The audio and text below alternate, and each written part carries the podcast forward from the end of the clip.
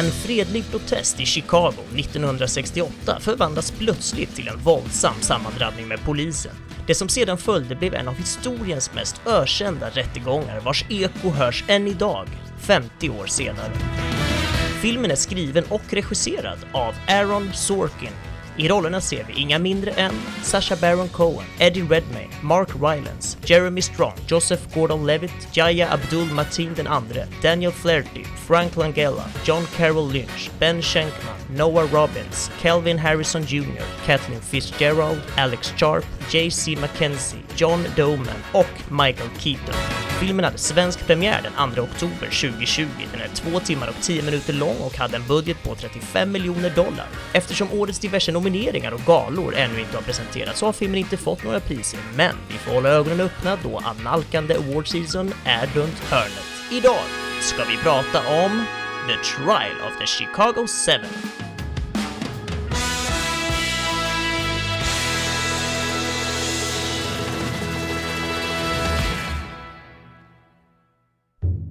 I never waited for anyone who was late more than 10 minutes in my life. I'd say 15. 15's right. No, 10. Someone has to die in order that the rest of us should value life more. You've been putting it up your whole life. You just didn't know it. Now, are you a rusher or are you a dragger? Or are you going to be on my fucking time? Rancid apple core, two worm eaten banana peels, a moldy rice cake, a dried up pickle, tin of sardine bones, a pile of broken eggshells, an old smushed up cotton gizzard with maggots all over it. Okay, it's worth it. Nobody's till eller? Har du snott den efter det? God is the father and God didn't show up. Turn it down. God, I mean, who the fuck are you? he's a squirrel. Take the fucking money. Take the fucking money. Take the fucking money. Sometimes a lady likes to have some fun.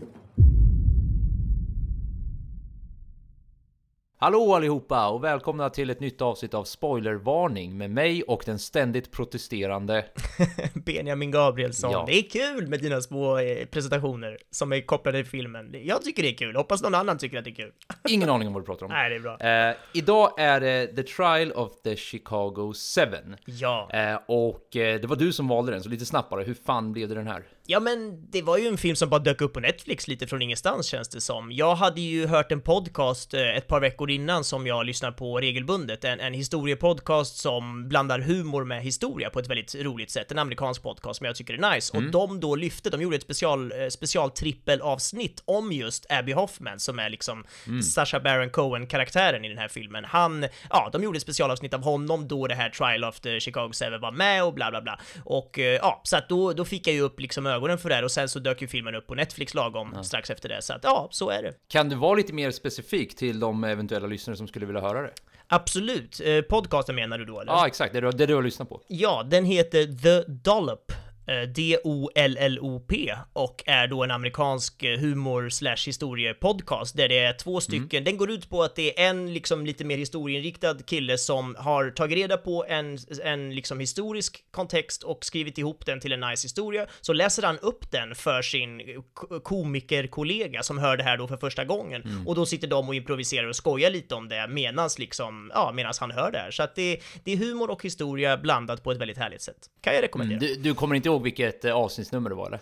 Eh, jo, det är så mycket som avsnitt 451, 452 och 453. De heter ju då Abby Hoffman Part 1, Part 2, Part 3, så att det är ganska enkelt att hitta dem. För er som skulle vara intresserade av att vidare utbilda er om just Abby Hoffman med lite humor inkastat också. Ja. Men då så, we got that out of the way. Så vad tyckte vi om filmen? Jag tänker att du kan få börja. Ja, men absolut. Jag kan ju börja med att säga att jag gillar den här filmen för att liksom den, den, den har saker jag gillar, men den har också saker jag verkligen inte gillar och det är de jag kommer lyfta här. Ehm, så att, eh, men jag vill ändå säga det för att ofta när jag har såna här utläggningar så låter det som att jag liksom totalsågar en film, men Mm. det är egentligen bara, du vet, en del av det, bla bla bla. Men!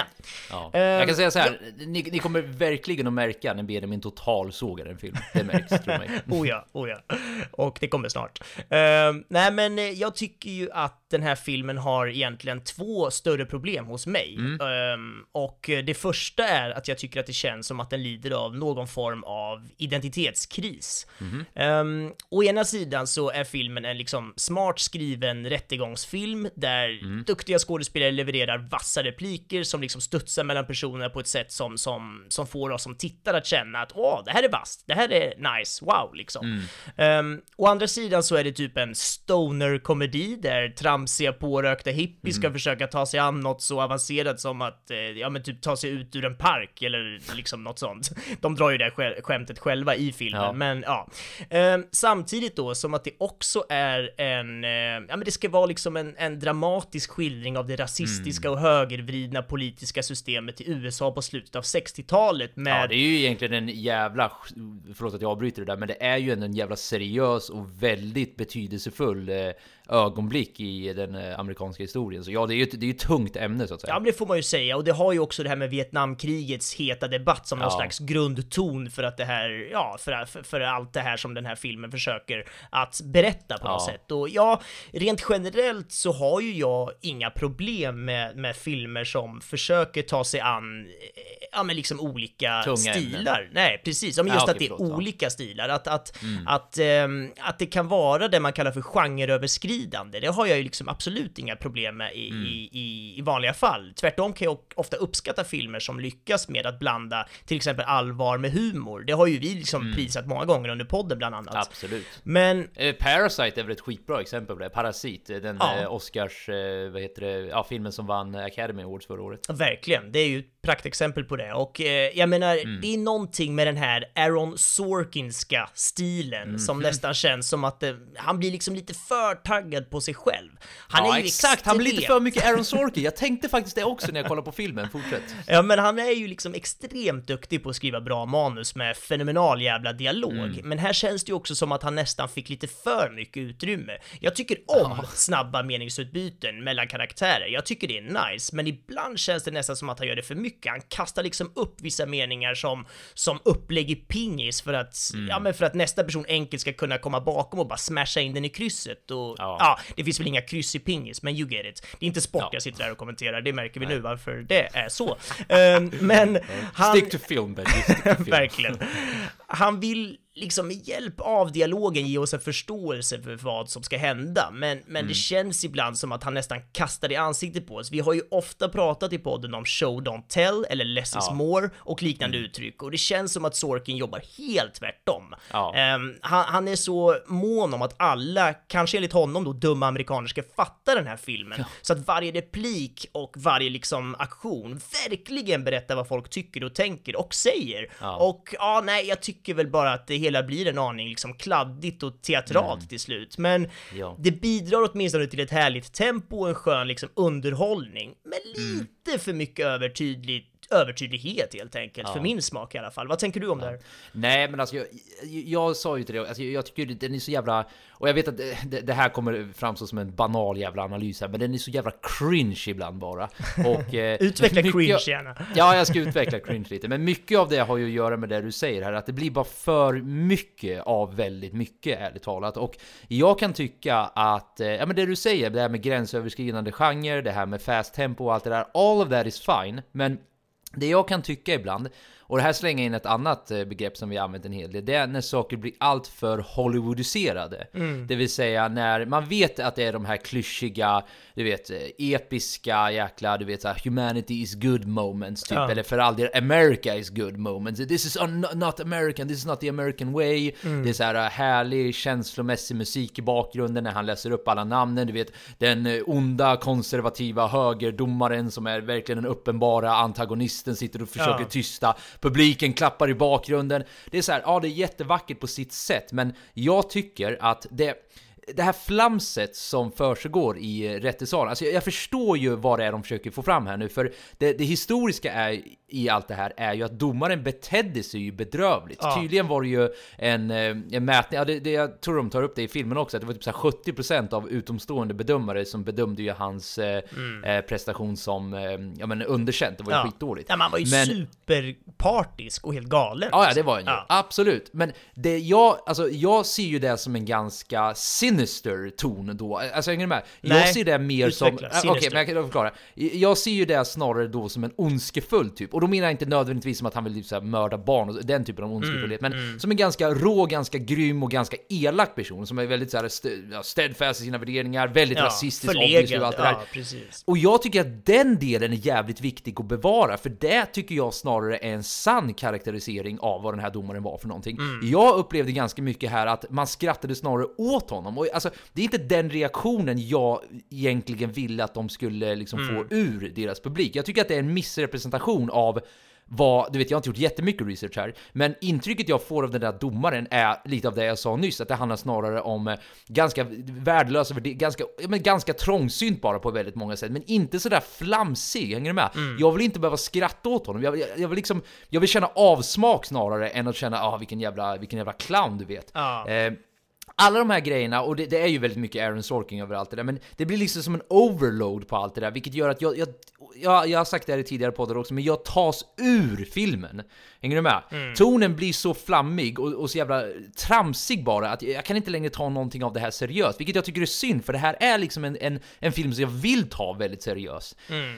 Ja men ta till exempel hela hela slutscenen där när han läser upp alla namn och, och domaren försöker få ordning och han smäller. Så där skulle det ju bara inte gå till, ärligt talat. Nej. Låt oss vara ärliga här nu. Alltså, por- porträtterandet av hela rättssalen har jag faktiskt problem med. För så där går det verkligen inte till. Och jag säger inte att man behöver vara dokumentär precision, hänger med? Man behöver inte vara så jävla specifik. Men du kan ju åtminstone förmedla allvaret av den här situationen. Och ja, visst, Eh, The Defendants, alltså The Chicago 7, de var lite flamsiga också. Jag menar till exempel då när de kom in i eh, Judge eh, såhär, rockar på sig. Ja, ja. Och de, de tog av sig den sen och sen hade de polisuniformer tidigare. Det hände ju faktiskt. Ja. De betedde sig jävligt flummigt. Men resten av rättssalen blev ju inte flummig liksom utöver det, utan flummigheten stod ju de för. Och jag tycker att den nyanseringen hade varit mycket mer fascinerande att utveckla. Liksom hur, hur, hur, hur obekvämt det blev för alla inblandade när de betedde sig på det här sättet. Nu, nu småskrattade folk lite, domaren hade ingen kontroll över situationen, du vet. Jag vet inte, det, det, det blev bara allt för flummig för min del. Ja. Let's put it that way. Ja, men jag är med dig faktiskt och jag tror att det där kommer lite med det här med att den inte riktigt själv, alltså filmen inte riktigt själv förstår vilket håll den ska gå. Nej, För att den precis. vill ju vara rolig, men den vill ju vara seriös och den vill ju vara Mm. liksom allvarlig och drama, dramatiskt och historisk och den vill Ja. vara allt på en gång och det känns som Och då att blir inte... det ungefär som att inget av det görs korrekt. Ja men exakt, verkligen. Och jag tror ju att det största problemet med, med, med hela den här filmens då eventuella identitetskris, eller vad fan det är vi ska kalla det nu, jag tror att det är Aaron Sorkin i, i det här Mm. fallet som har fått för mycket i sina egna händer. Han är en jätteduktig manusförfattare, men jag tycker absolut inte att han är lika bra regissör. Mm. Eh, det här är väl typ bara hans andra film han regisserar eller något sånt, om jag inte minns fel, och det kanske finns en anledning till det, men Mm. ja, jag tror ju att det hade varit mycket bättre för filmens liksom övergripande tonalitet om det hade varit Mm. en annan regissör som inte hade Aaron Sorkins, det här maniska besattheten av effektsökeri i form av spydig dialog och Mm. då tror jag att filmen hade fått en, en ja, men jämnare och kanske tydligare riktning på sin egen Mm. idé och vad den faktiskt vill. Ja. Ehm, ja. Ja, men jag har ett annat bra exempel på det och, och du, du får gärna hjälpa mig att komma ihåg det nu för jag, jag hade faktiskt inte tänkt att ta upp det här, men jag är bara nyfiken. Hade han både regisserat och skrivit The Social Network eller hade han bara skrivit Nej, den? han har bara skrivit den. Och det är Ja, det han för- har gjort med liksom 97 av allt man har hört, alltså procent av allt man har hört honom om, det är att han skriver. Han skrev och skriva manus. Han skulle egentligen inte ens regissera den här filmen Nej, från början. exakt, det var nej. väl snack om, vem var det? Det var snack om... Steven Spielberg. Sp- Steven Spielberg. Jag Ja. menar, det hade varit en helt annan film. Ja. Mm. Men nu så gjorde han det här och jag tror att det är problemet. Ja, för annars Det var ju David att, Fincher ja. har jag för mig, förlåt, som, som regisserade Ja, den. det stämmer. eh, ja, Social och- Network, ja. Ja. Social Network. Och jag menar, det gör ju att den filmen, den går ju liksom många, många steg på något sätt i någon annan ton och en annan riktning Verkligen. än vad den här gör. Men där tycker jag vi har en film, och eh, vi ska inte fastna allt för mycket i The Social Network här nu. Jag bara kom på det här som exempel nu när vi pratar om identitetskris. Där tycker jag snarare den verkligen har hittat sin identitet. Mm. För det, det, den påminner väldigt mycket i, om den här filmen i bemärkelse att den har väldigt mycket den vill bolla med. Den vill Ja. bolla med humor, den vill bo- bolla med seriositet, den vill bolla med intellektuella resonemang. Den har väldigt mycket den bakar in. Mm. Men balansen däremellan och den övergripande tonen är ändå spot jävla on med tanke på vad det är för ämnen de hanterar. Mm. Eh, och eh, det, det, ju mer jag tänker på det, desto mer står det som ett så jävla tydligt kontrast mot vad den här filmen lackade. Ja, det är för mig är ju egentligen A och O vad en bra regissör ska göra. En Mm. duktig regissör ska kunna ta ett manus, förstå vad vad det är vi vill förmedla eller vad, vad, vad filmen vill förmedla med den här berättelsen. Mm. Och sen ska den regissören liksom samla ihop det här och på något sätt skita ur sig en perfekt jävla, du vet, dos av, av det här manuset. Mm. Medan då Aaron Sorkin som, som antagligen inne i hans hjärna går det antagligen lika fort som det går i vissa av de här meningsutbytena, att det bara så här fladdrar omkring. Mm. Och det är nice, för han har ju den förmågan att kunna få ur sig otroligt mycket vass dialog och liksom, han är ju skitsmart på det här sättet. Ja, Men jag tycker inte att han ska sitta här och regissera, för att Nej. det blir inte bra. Han, det blir för rörigt och det blir liksom, Ja. det blir hit och dit och det blir, ja, det blir, det blir inte bra helt enkelt. Nej.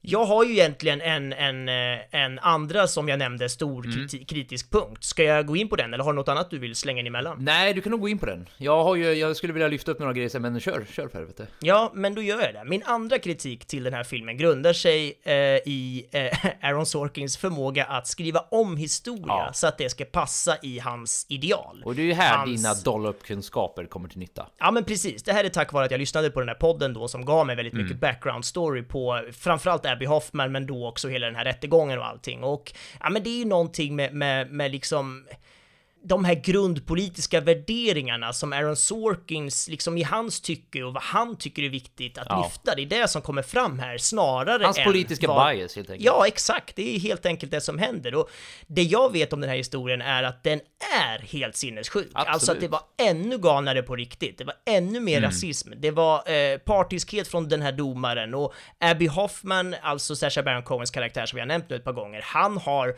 som person enormt mycket intressant och viktigt som han har gjort och lyft. Mm. Men här i filmen porträtterar han bara som en skön hippie som är jävligt bäng och typ allmänt dryg. Mm. Och det finns så mycket galet eh, som bara den här rättegången innehöll. Till exempel så är ju rasismen något som lyfts i filmen, eh, men tämligen sparsamt ändå jämfört Ja. med den riktiga rättegången. Jag menar Bobby Seale då som är den här, eller han spelas ju av Yahya Abdul Mateen den andre, coolt namn. Ja, Ehm, faktiskt. Det låter som, en, ju- som ett Kings name, eller talat. Ja men verkligen. Det, det känns som att han kan bära upp det namnet också. Det är inte alla som Ja, kan det. Men eh, han blev ju satt i munkavel i ett par minuter där i filmen och Ja. där domaren sen direkt går med på att ge honom en egen rättegång och så är det klart. Mm. Men på riktigt då, alltså 1969 under den här rättegången, då sitter Mm. han i munkavel varje dag i en hel vecka, ännu mer, jag tror det är åtta dagar. Ja. Vilket är helt sinnessjukt. Mm. Men det snackar de bort väldigt snabbt i den här filmen. Sen har vi ju då David Dillinger som spelas av John Carroll Lynch, som alltså är den här lite äldre flintisgubben då som är med bland de dömda. Han slog aldrig någon polis i rättssalen, han Nej. slog aldrig någon på riktigt, utan han är ju faktiskt pacifist. Ja. Han var så pass lugn att när en polis till och med slog till ett av hans barn, så var han fortfarande lugn. Men ändå porträtteras han som någon slags såhär, ja han, han bröt ihop och började slå poliser Mm. Ja. och grejer. Det har inte hänt. Får jag bara Eh, avbryta där en snabbis bara? Det där har ju ett exempel på det jag menade förut med att hollywoodisera någonting. Mm. Och hollywoodisera någonting på ett så jävla onödigt sätt ärligt Ja. talat. För, för genom att de porträtterar honom på det sättet, alltså att de fejkar historien, eller de förfalskar historien helt Ja. enkelt. Och jag säger inte att de har ett krav på att göra det helt korrekt, jag menar det är en fucking film. Mm. Men det jag säger är att det där är ju det där exemplet av det där effektsökandet som Ja, du pratade om ja. tidigare. Effektsökandet som, med tanke på hur mycket effektsökande har varit fram till den punkten, inte ens har någon jävla effekt ärligt Nej, talat. exakt. Och jag menar, sen har vi ju det här som jag kanske reagerar absolut starkast på. Och det är den här scenen på slutet som du var inne på, alltså i rättegången när de ska läsa upp alla namnen. Ja. Ehm, I filmen då så läser de upp alla namn på de stupade amerikanska soldaterna. Ehm, men på riktigt då så läste de upp namnen på både amerikaner och vietnameser. Ja. Ehm, och varför i helvete ändrar Sorkin på en sån grej? Det är ju helt sjukt ju. Ja. Dessutom är det inte ens rätt snubbe som läser namnen, det var en av de andra, Mm. och det är heller inte i slutet av rättegången, det är långt tidigare. Ja. Och när det här hände på riktigt så hade de, eh, så hade de med sig en amerikansk och vietnamesisk flagga, vilket inte heller är med i filmen.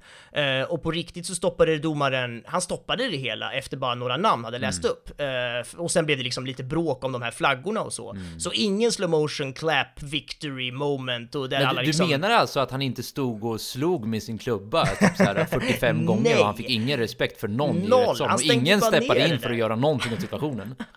Ja, men exakt, Fan jag blir irriterad av liksom- att bara säga det ärligt Ja, talat. verkligen. Det finns ju ingenting här som stämmer från det riktiga och det stör mig när det är bara för att få ut den här liksom, som du är inne på, Hollywood-vinsten över hela. Ja. Som, som är liksom, ja men det är bara Tving. kladdigt. Ja. Men okej, jag förstår, precis som du också förstår, det är en Hollywood-film, där det är skriven för Absolut. att något liksom, ja, det, det, den, den ska berätta något på sitt sätt och, och ja men du vet, jag så här. Jag tycker ju att den, den är ju skriven av Aaron Sorkin och jag kan ju tycka att han kanske är lite överskattad, men jag förstår att eh, man ändrar saker, för så gör man i film och eh, för det ska liksom passa den här dramaturgiska mallen, Mm. för så gör man och det blir slagkraftigt, genomträngande, bla bla bla. Jag förstår allt det här, för så gör nästan alla som baserar en film på en verklig händelse, men när det här istället blir Sorkins personliga lekstuga där han systematiskt ändrar och böjer på sanningen, inte nödvändigtvis för att göra filmen bättre, utan för att det ska passa in med hans egna politiska ställningstagande. Det här är ju liksom en, en, en liberal form av liksom amerikansk patriotism som försöker säga att det är inte systemet som är fel, utan det är bara några dumma individer som har fått för mycket makt. Mm. Att den amerikanska konstitutionen fortfarande är bra och att den fungerar. Mm. Och det är vad Abby Hoffman och de andra dömda i den här rättegångs, rättegången starkt ställde sig emot. Mm. Abby Hoffman var supervänster, han var antikapitalism, han var socialist, han, Ja. han var emot det amerikanska systemets fundament. Han ville riva ner hela den här skiten Ja, från grunden. Ja, verkligen. Att Sorkin sen gör den här filmen på det här sättet är ju för fan som att, som att, ja men du vet, som att han ska surfa på vågen som de skapade samtidigt som han står och pissar på hela deras ideal och vision. Nej, jag blir galen när jag tänker på det. Ja. För det här är ju liksom, jag förstår att ser man den här filmen, då tänker man ju inte att det är något konstigt eller något dumt, för att man vet ju inte något annat. Man, man ser den och tänker, ja men nice, det här är väl bra. Men det är ju inte alls det här som var deras liksom ideal eller deras grundfilosofi. Det var inte alls så här eh, eh, Abby Hoffman var och fungerade och tänkte på riktigt.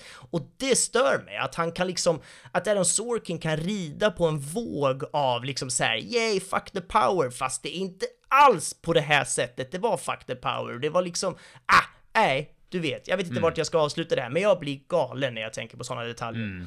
Ja, nej, jag förstår. Och jag har väl inte jättemycket att tillägga på den pointen, utan med det bakom oss så hade jag faktiskt tänkt att lyfta upp några av grejerna som jag verkligen tyckte var Ja men som jag tyckte var nice att de ändå utforskade lite. Så kan jag, kan jag ta det åt den riktningen eller känner du att du vill lägga till något mer? Verkligen, gärna. Ja, nej, så... Kör. Det, det, den är ju uppenbart tidsenlig också. Ja. Det, det, det får man ju verkligen. Det, det, det som händer i USA nu och det som Sorkin porträtterar i den här filmen, alltså jag menar, har du, så länge du inte har levt under en sten de senaste, det senaste året mer eller mindre, så är, då, du, du, man ser ju parallellerna jättetydligt här. Mm. Och eh, vi har ju nu diskuterat det om parallellerna, alltså inte nödvändigtvis mot nutiden, men då mot 60-talet framförallt, är framgångsrika eller inte, och uppenbart är de inte särskilt framgångsrika.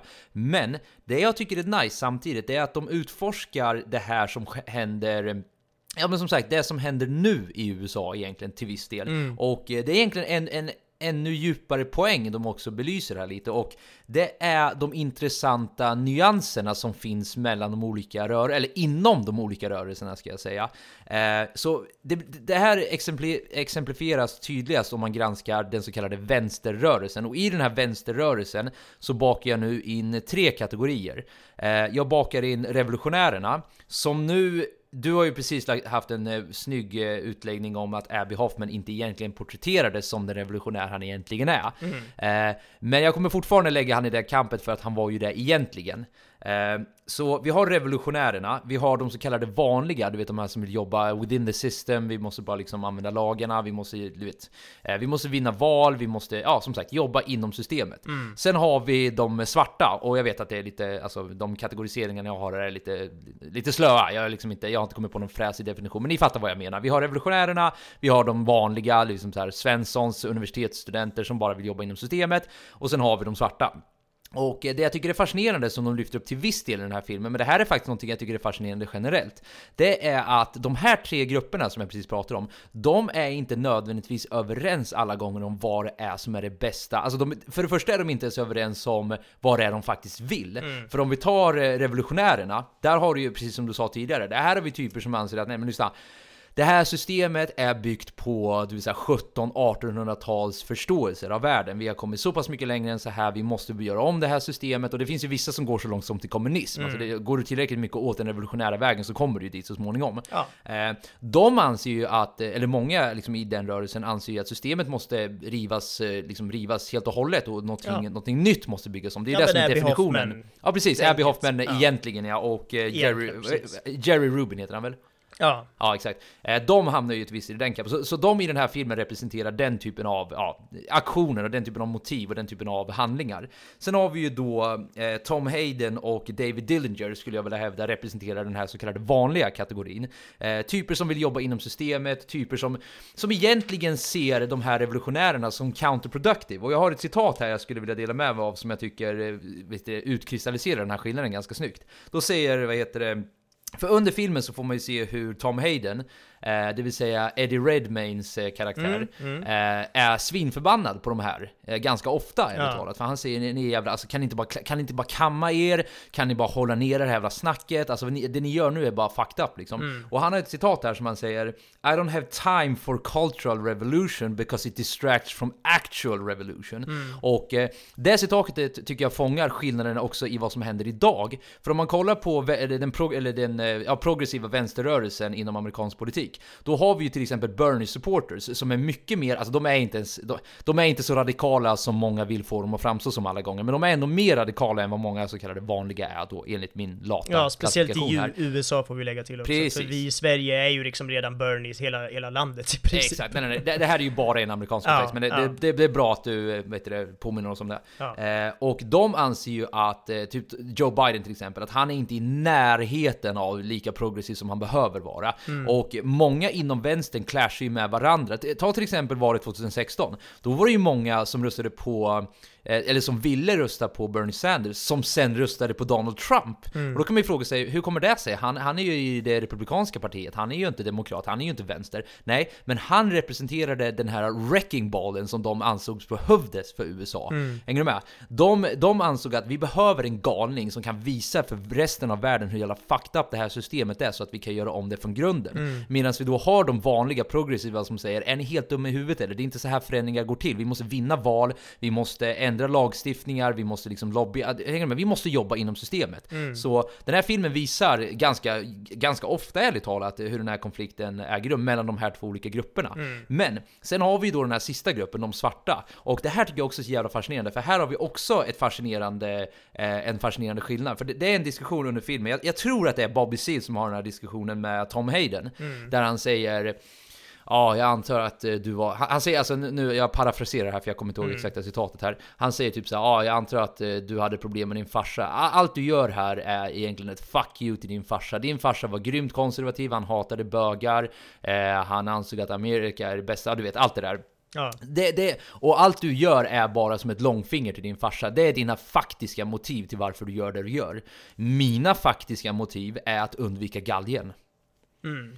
Hänger du med? Det, det, är så jävla, det, det, är så, det är så mycket, mycket mer som står på spel för den svarta gruppen här än vad det gör för den så kallade vanliga gruppen. Ja. Eh, och det, återigen, Tom Hayden har ingenting att säga emot om det. Han måste till viss del medge att ja, det, det, jag- alltså, det är inte så mycket som står på spel här för mig. Jag, jag säger inte att hans motiv inte är ädla, liksom, det är ju fint att man vill ändra systemet och allt det där. Mm. Och det han gör i grund och botten är ju ändå bra för de svarta också. Men jag tycker det är fascinerande hur de lyfter upp att motiven kan vara annorlunda många gånger. Att de svarta, de slåss för sina liv här Mm. för att lagstiftningen är så fucked up. De här gör ju det för att de till viss del ändå är privilegierade och har möjligheten att för första, för första början ens göra de här grejerna. Så om jag, om jag ändå får lyfta upp någonting som jag tyckte var positivt och fascinerande med den här filmen, Ja. givet, alltså trots allting vi har sagt här om att allt är överdramatiserat, det är Hollywoodiserat och de får ju inte med de väsentliga historiska delarna. Men jag tycker samtidigt att det var kul att få se de här nyansskillnaderna, för jag tycker mig se de skillnaderna hela tiden nu.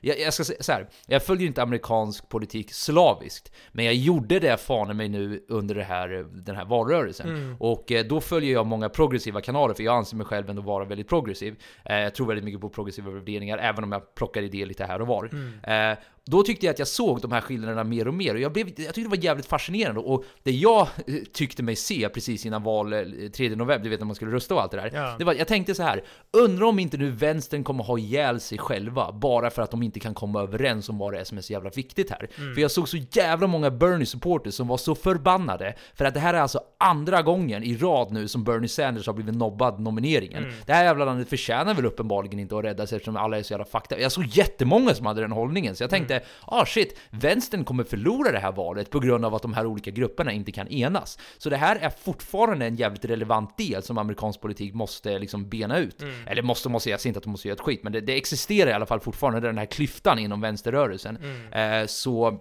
som sagt, om det var någonting jag uppskattade med den här filmen så var det att se de här dialogerna mellan de här tre olika grupperna. Det vill säga de radikala, det vill säga de revolutionärerna, de vanliga studenterna, work within the system och de svarta som då har faktiska belägg för att vi måste verkligen ändra det här systemet annars kommer vi hängas typ. Mm. Ja, verkligen. Och det är väldigt intressant som du säger för att det är ju den här filmen gör mycket dåligt, det har vi, det har vi liksom trampat på redan, men den gör också en hel del bra. Den lyfter frågor som är viktiga, den lyfter frågor som idag är aktuella, som då var aktuella och det är ju, ja, mm. det, så är det. Det är viktigt ändå att prata om. Så jag kan sitta här och pissa så mycket jag vill på Aaron Sorkin, ja. men det är liksom ändå en viktig film på något ja. jävla sätt. Men det är orolig, eh, ja, inte minst med Black Lives mm. Matter och allt det här. Ja, men det, det jag är orolig för, för jag håller med dig där till, till viss del, men det jag är orolig för är faktiskt det vi pratade om i början, att Visst, det är viktigt att prata om det, men det är också det är också faktiskt viktigt att prata om saker på rätt sätt. Mm. För jag tror att pratar du, om du porträtterar saker på fel sätt, då kan hela huvudbudskapet gå förlorat. Ja, och det är där jag kanske är lite rädd för att den här filmen gör, att de inte riktigt förstår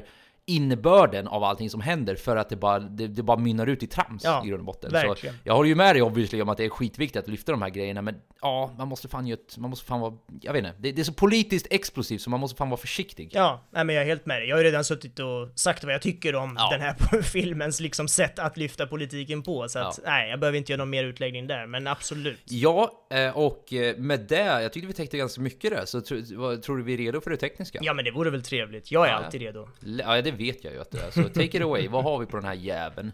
Ja men tekniskt så är den här filmen filmad digitalt med en Arri Alexa LF som är en kraftfull storformatskamera som, som, ja men den filmar ju skitnice såklart. Eh, de har valt att jobba med anamorfiska objektiv till kameran, vilket är väldigt, eh, ja men det var väldigt vanligt förr i äldre filmer och det ger ju den här eh, ja, men det här som kallas för distorsion i bilden, alltså att bilden blir lite rundad ut i kanterna. Bilden får dessutom en liten vignettering på köpet, alltså att det blir lite mörkare ut i kanterna och en allmänt lite äldre känsla i själva bilden med ett härligt djupfokus. Så ja, men det är väldigt smart då eftersom filmen ska utspela sig på slutet av 60-talet. Så mm. ja, det här valet av objektiv hjälper jag som tittar då att få lite av den här äldre känslan, så, så det gillar jag.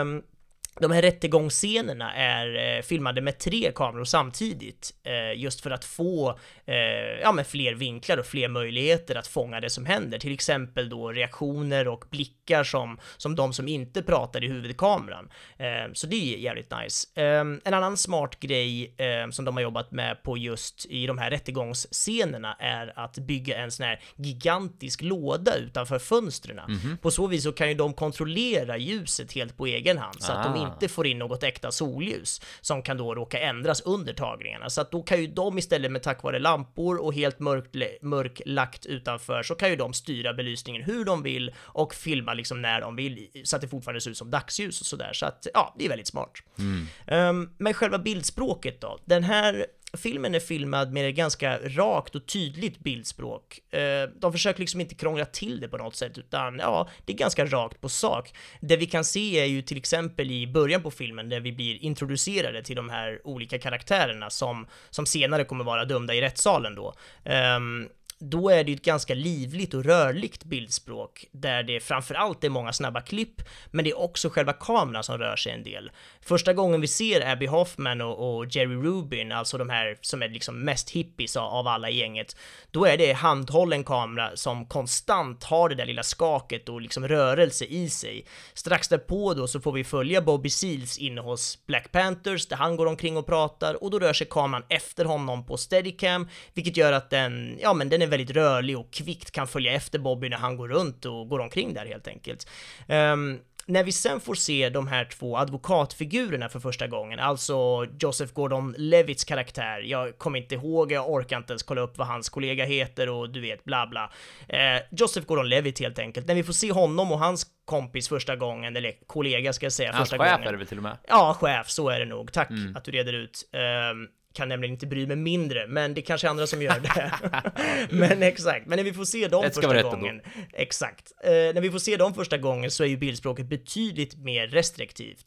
Kameran står helt stilla på stativ och det klipps långsammare och när det väl är rörig kamera så rör, så rör sig kameran enbart med panoreringar på stativ eller möjligtvis en dollyåkning, alltså där kameran stadigt åker på en räls. Ehm, och så här är det sen filmen igenom, alltså att det i rättssalen är väldigt stadigt och aningen lugnare bildspråk medan det till exempel i parken, utomhus, är mycket mer handhållen och rörlig kamera just för att vi som publik ska känna de här olika miljöernas kontrasterande olikheter. Mm. Ehm, sen måste jag bara nämna de här upploppsscenerna som något lite extra snyggt. Ehm, ja men där har de ju jobbat väldigt mycket med den här handhållna kameran jag pratade om. Ja. Just för att få den här nästan dokumentära känslan på fotot som det stundtals känns som. Och de har ju även dragit ner mättnaden i gradingen, alltså att de har dragit ur färgen ur bilden så att det ska se mer urtvättat och äldre ut just för att matcha de här riktiga bilderna som faktiskt, som de faktiskt klipper in där mitt i, i all tumult. Och Ja. ja, men det är jävligt snyggt och effektfullt. Dels det här med färgerna, men också att använda de här gamla, riktiga svartvita 60-talsbilderna. Och det tillsammans med musiken då, ja, då, då jävlar blir det starkt faktiskt. Ja. Ehm, och ja, ska vi ändå nämna musiken eftersom jag ändå gjorde någon slags jävla segway dit nu så kan vi väl, ja men bara lägga till att det är en väldigt blandad musik. Det är dels den här liksom tidstypiska, lite rockiga 60-70-tals-viben på musiken ehm, som, som ska kasta oss tillbaka till de här sprakande, kaotiska, rökiga årtiondena som det ändå var. Ehm, och sen har vi såklart den mer klassiska liksom stråkinstrumentbaserade musiken som vi ofta hör i filmer som, som, ja, men som flitigt används som katalysator för att vi som publik inte ska glömma bort att få lite starka känslor till det som syns i bild. Speciellt när det är Hollywood som, som styr spakarna och eh, ja, slutscenen är ju som du nämnde ett jättebra exempel på det när han börjar läsa de här namnen och domaren Ja. blir arg och folk börjar slowclappa och jubla så hör vi de här heroiska stråkarna som liksom berättar att de goda vann och de onda förlorade fast absolut inte var så, det var inte alls så det gick till men ja, så kan man använda musik i alla fall. Ehm, ja men då så, lite skådespelsnack på det här kanske i år, eller vad säger du? Absolut, och eh, ja, jag har några, vad heter det, synpunkter på det här faktiskt. Eller eh, jag, jag måste, jag måste, jag, jag vill öppna det här med att ställa en fråga till dig. Ja? Eh, Sasha Baron Cohen, Ja. funkar han eller inte? Ja men så här, jag tycker att han funkar som karaktär. Jag tycker att han funkar, jag tycker allt så här, jag ska skita och säga vad det är som funkar. Allting funkar förutom hans dialekt. Han fixar Ja. inte att göra en amerikansk dialekt. Nej. Nej, alltså... That's it, ja, enligt mig är ja. det det som är problemet. Nej, för- vad tänker för- du? Ja, jag, jag vet fan, jag, det, det, är där, det, det var lite därför jag ville fråga dig, för jag har så jävla svårt att...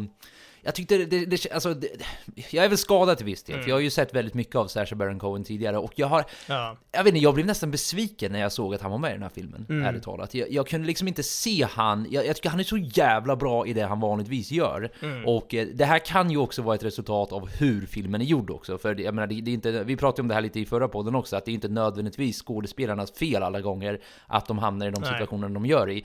Men på samma sätt som jag sa under den filmen så vill jag ändå ha det sagt att för mig personligen så tyckte inte jag att Sacha Baron Cohen funkade i den här filmen jättebra. Mm. Jag hade så jävla svårt att se honom försöka göra en seriös roll och när han skämtade så kändes det inte heller som Sacha Baron Cohen skämt. Så det kändes bara som att det var, det var bara fel att ha honom där. Jag ville ändå ha det sagt, även om han säkert... Alltså, jag, jag tycker om honom som fan vill jag verkligen säga. Mm. Jag tycker han är skitrolig. Han är fan en av de ja, riktigt roliga tycker jag. Mm. Eh, men Förutom honom så, jag måste säga, jag tycker Eddie Redmayne, det vill säga Tom, eller nu sa jag det åt andra hållet, Eddie Redmayne i alla fall, Tom Hayden. Mm. Eh, jag tycker han är skitbra. Jag tycker alla filmer jag har sett jag- honom i tycker jag han är asbra. Jag menar, vi, vi poddade väl om The Danish Girl, gjorde vi inte det? Nej, jag tror aldrig det blev en podd om den, men vi, vi, vi såg filmen Ja. åtminstone. Ja. Ja, eh, skitbra i den filmen. Mm. Jag tycker han är skitbra i de här fantastiska vidunder och jada jada. Mm. Du vet, de filmerna är inte alls bra, men om det var någonting som var bra med de filmerna så tyckte jag han var skitbra i dem. Ja. Sen tycker jag han är skitbra i... ehm, Eh, vad heter det? The, vad fan heter den? The Theory of Everything. Mm. Eh, när han spelar Stephen Hawking. Ja, han tycker jag är skitnice. Verkligen- Han är ju en liten Ja. Oscar-favorit är han ju. Jag tror Ja, han har vunnit många för att vara så ung också. Absolut. Sen, så, så jag måste verkligen säga att jag, jag tycker han var skitbra.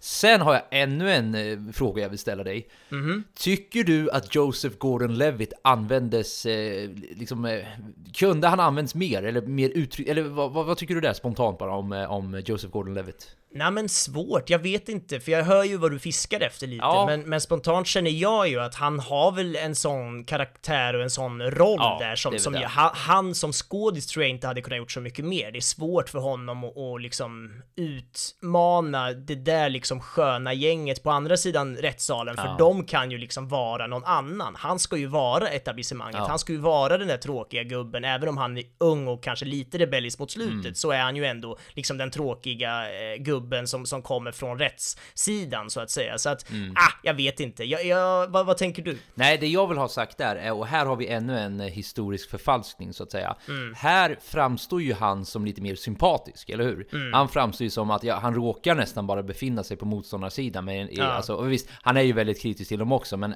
man får ju ändå känslan av att han är one of the good guys. Ja. Egentligen var ju han värsta bulldoggen, Ja, ärligt talat. ja. Egentligen så var ju han ruthless mot dem. Mm. Och det fick mig att tänka, blev Joseph Gordon-Levitt lite inboxad i den rollen han hade? För jag hade gärna velat sett honom vara li- lite bad boy, eller alltså inte bad boy, men du vet lite ruthless, lite elak och en sån som man kanske hatade nästan. Ja. För mig hade det varit mycket mer intressant än att ha den här ganska inboxade, du vet, goody two shows, han, han var typ så här, ja men han, han var, han var nästan för perfekt kan jag Ja, tycka ibland. ja, så, återigen, det här är andra gången jag gör det här nu, för jag, jag, jag, klagar ju inte nödvändigtvis på hans skådespelarinsatser, det är inte det jag säger här. Men jag tycker samtidigt att här har vi också en sån där sjukt jävla bra skådespelare, tycker jag i alla fall. Mm. Eh, och jag tyckte att det hade varit mycket mer fascinerande att verkligen utnyttja en sån skådespelare, att göra honom till den som han faktiskt var, alltså Ja. egentligen. Det, det tror jag hade varit mycket mer fascinerande. Men återigen, Ja, ingen skugga faller väl direkt över Joseph Gordon-Levitt där, men det var också en Nej, jag tycker vi ska slänga all jävla skit vi kan slänga och, och, och vi borde skeppa in mer skit, för det förtjänar han. Men det är ju Aaron Sorkin som ska ha den där jäveln. Han har ju liksom gjort vad han kan för att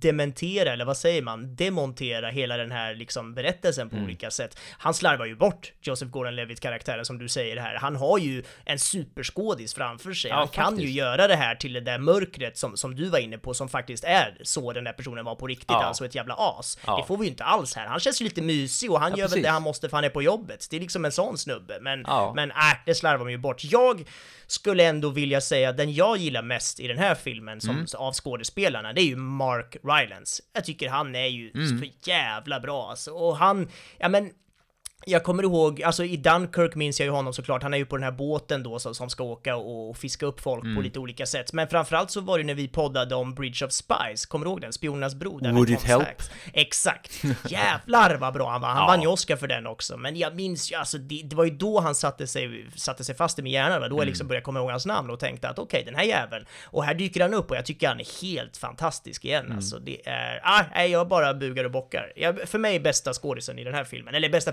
prestationen ska jag säga. Ja, nej, jag, jag har inte jättemycket att tillägga där annat än att ja, jag håller med. Han var, han var, jag, jag faktiskt inte tänkt på, jag, jag antar att jag var så mycket fokuserad på andra saker, men ehm, Mm. ja, han, han var, han var, alltså det är som vanligt som vi brukar säga, de gör ju sitt jobb liksom. Det är ju, det är ju väldigt Ja. få som jag kan, jag kan dock tycka att eh, men det är samma sak här. Är det här Sorkins fel också? För jag tycker att domaren också är så här. Han, han får ju den rollen han har och där har vi också en stark skådespelare men det ja, Mm. jag, jag, jag kunde ju knappt, jag, jag, kunde knappt lyssna på honom till slut vet du. Och, ja, Nej, nej, men man hatar ju honom, men där skulle man ju kunna vända på det och säga att man hatar ju honom för att han gör ett sånt bra jobb att vara en hatisk Ja, jävla äcklig precis. domare. Alltså att skådisen gör väl allt han kan och att man egentligen borde hylla det, men att rollen han gör, alltså domaren han spelar, är ju ett asshole och det är därför man hatar honom. Ehm, så att, ja, jag vet inte, jag ska inte sitta här och säga att, att han, alltså Frank La, Langella, Langella, eller hur man Mm. uttalar det, alltså han som spelar domaren. Jag ska inte sitta och säga att det var årets bästa prestation på något sätt, men jag, jag håller ju också med dig om att jag satt liksom och störde mig på honom hatade honom, men mer för att han var en jobbig karaktär än att det var dåligt skådespeleri, om jag, om jag uttrycker mig så. ja, men känner vi oss klara med det då? Ja, Då går vi vidare då. Så lite, ja men en eh, summering, slutord. Vad, vad tycker vi? ja, men ska jag börja för en gångs skull då, som aldrig börjar med det slutord? tycker jag. Det tycker jag. Ja men så här då, jag, jag tycker att filmen är i sig underhållande och ganska trevlig faktiskt. Den har ett bra manus som förstärks av, av liksom ett väldigt vasst bild och klippspråk. Men jag kan inte liksom låtsas om att jag inte stör mig på hur missvisande stora delar av det ändå är i förhållande till liksom verkligheten om Abby Hoffman och, och allt det här vi har pratat om. I, I den aspekten så är det en riktig jävla skitfilm. Så att det beror liksom helt på vilken Benjamin du frågar här om, om jag ska säga vad jag tycker om den här filmen. Men om vi tar bort all min förkunskap och bara ser det här som en individuell film där jag inte har någon aning om historien, då köper jag det. Då är det en underhållande Hollywood-rulle. Så kan jag väl säga. Ja, och jag är väl då Benjamin som har vaknat på fel sida. För jag kan knappt ge filmen det. Alltså, jag tyckte Ja, inte ens att den var särskilt underhållande. Det, det, det kan också vara att jag är skadad nu av att ha sett många andra filmer som inte är Hollywood. Vilket gör att jag kräks nästan när det blir Hollywood. Mm. Vilket gör att jag kanske är biased. Hänger du med? Det här, den här kanske inte var så dålig. Alltså hade du frågat mig för något år sedan då kanske inte jag hade tyckt att den var. Men ärligt talat, jag tyckte inte den var så bra. Alltså rakt Mm. igenom. Jag tyckte det, den var okej liksom. Det var, det, var, det var inte så, så att jag kände att wow, det här var ju typ två timmar av mitt liv jag aldrig kommer få tillbaka. Det var inte så illa. Men jag tyckte inte, den landade inte alls rätt för mig. Det var, det var delar av den jag tyckte var skitnice. Och det var lite av den här nyanseringen jag pratade om tidigare. Men Mm. som sagt, jag kan inte glömma bort den historiska kontexten som jag ändå finner så viktig. Och jag vet att du också sa det. Men du sa också att du tyckte det var det här mysiga, alltså att om du bara skulle kolla på det med ögon som inte hade historiska bakgrund och så vidare. Ja. Och där håller inte jag ens riktigt med. Jag tycker till och med inte ens att den var Ja, men jag tror jag gillar den här filmen lite mindre än vad du gjorde. Let's Ja. put it that way. Det låter som det. Och så får det vara. Det är väl härligt att vi kan tycka olika. Favoritscen? Vad säger du? Ja, men jag väljer nog uh, upploppsscenen som jag var lite Ja. inne på där förut. Ja, men framförallt den här då, det finns väl lite olika sådana de klipper mellan, men framförallt den på kullen där de ska upp. Ja. Take the hill är det väl någon som ropar där och så, så blir det en jävla Ja. tumult. Men, ja men du vet, alla är där och slåss mot, mot alla poliserna och det är så, det är så jävla påtagligt med, med eh, ja men det skakiga fotot och de Ja. urtvättade färgerna i bilden som jag pratade om och sen korsklipps det då mellan de här riktiga bilderna från när det faktiskt hände och så korsklipps det även till när Abby Hoffman står på den här scenen och Ja. förklarar vad tårgas är och vad en polisbatong är gjord av. Och...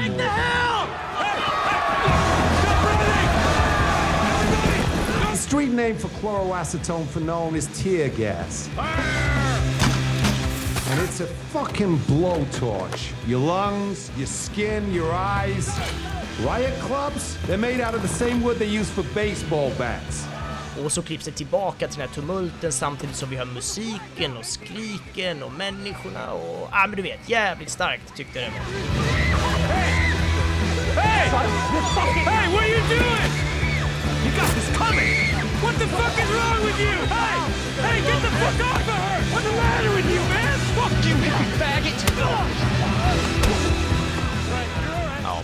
Och jag behöver inte tillägga någonting för det var ju, ja, det var den scenen, eh, ja, ja, min favoritscen by far. Eller om det inte var den absolut sista scenen när han stod och läste upp alla... Nej, jag skojar.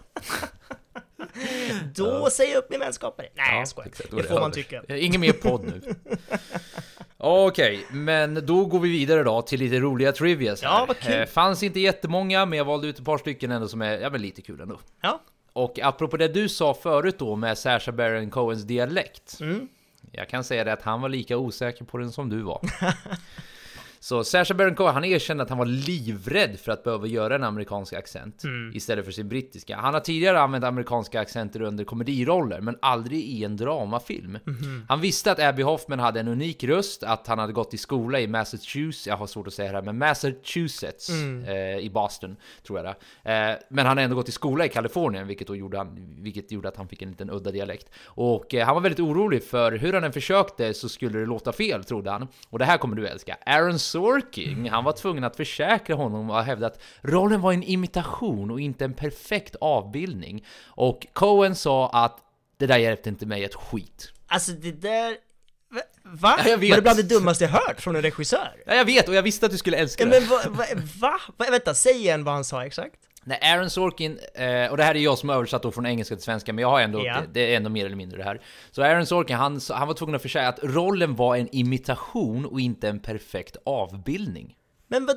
Ja, okej, jag ska inte ens gå in på Nej, detaljer, vet. men... vi, men... vi, vi, vi vet nu vad, vad vi tycker om Aaron Sorkin, men jag, det där var ännu mer liksom eh, ved, eh, vad heter det, bränsle på elden så att säga. Ja, det får man säga. Och jag tyckte samtidigt att det var kul att Cohen ändå sa att det där hjälpte mig inte ett skit. Nej, exakt. Vad fan ska han göra med den här informationen? Eh, från början så var tanken att Steven Spielberg skulle regissera den här filmen då, och eh, hans eh, tanke var att Heath Ledger skulle vara Tom Hayden. Wow. Men tyvärr så dog ju Heath Ledger, Rest in Mm. Peace, innan han skulle ha sitt möte med Spielberg. Dessutom så ville Spielberg ha med Will Smith som skulle spela Bobby Seale. Ja, coolt. Så det, det fanns, som du sa förut, det fanns en potentiell annan film här bakom allting. Ja, ja alltså visst, de här skådespelarbytena hade ju kunnat gjort vad de nu hade gjort. Jag tror inte att det hade varit någon slags förändring, Nej, inte- total inte förändring för förändring filmen. Däremot så hade liksom att, att ha en, en av, ja men vår tids kanske bästa regissörer som styr den här filmens regi. Mm. Det tror jag hade gjort skillnaden från att du och jag sitter här och tycker att det är en ganska dålig Mm. film till att det kanske var en ganska bra film. Så att, eh, ja, synd att Aaron Sorkin fick allt skit på sina händer, eller på sitt bord, för det ska han inte ha. Alltså skiten ska han ha, men han skulle inte ha materialet kunna göra skiten av. Och eh, som en sann method actor, Benji, vad har vi på method acting?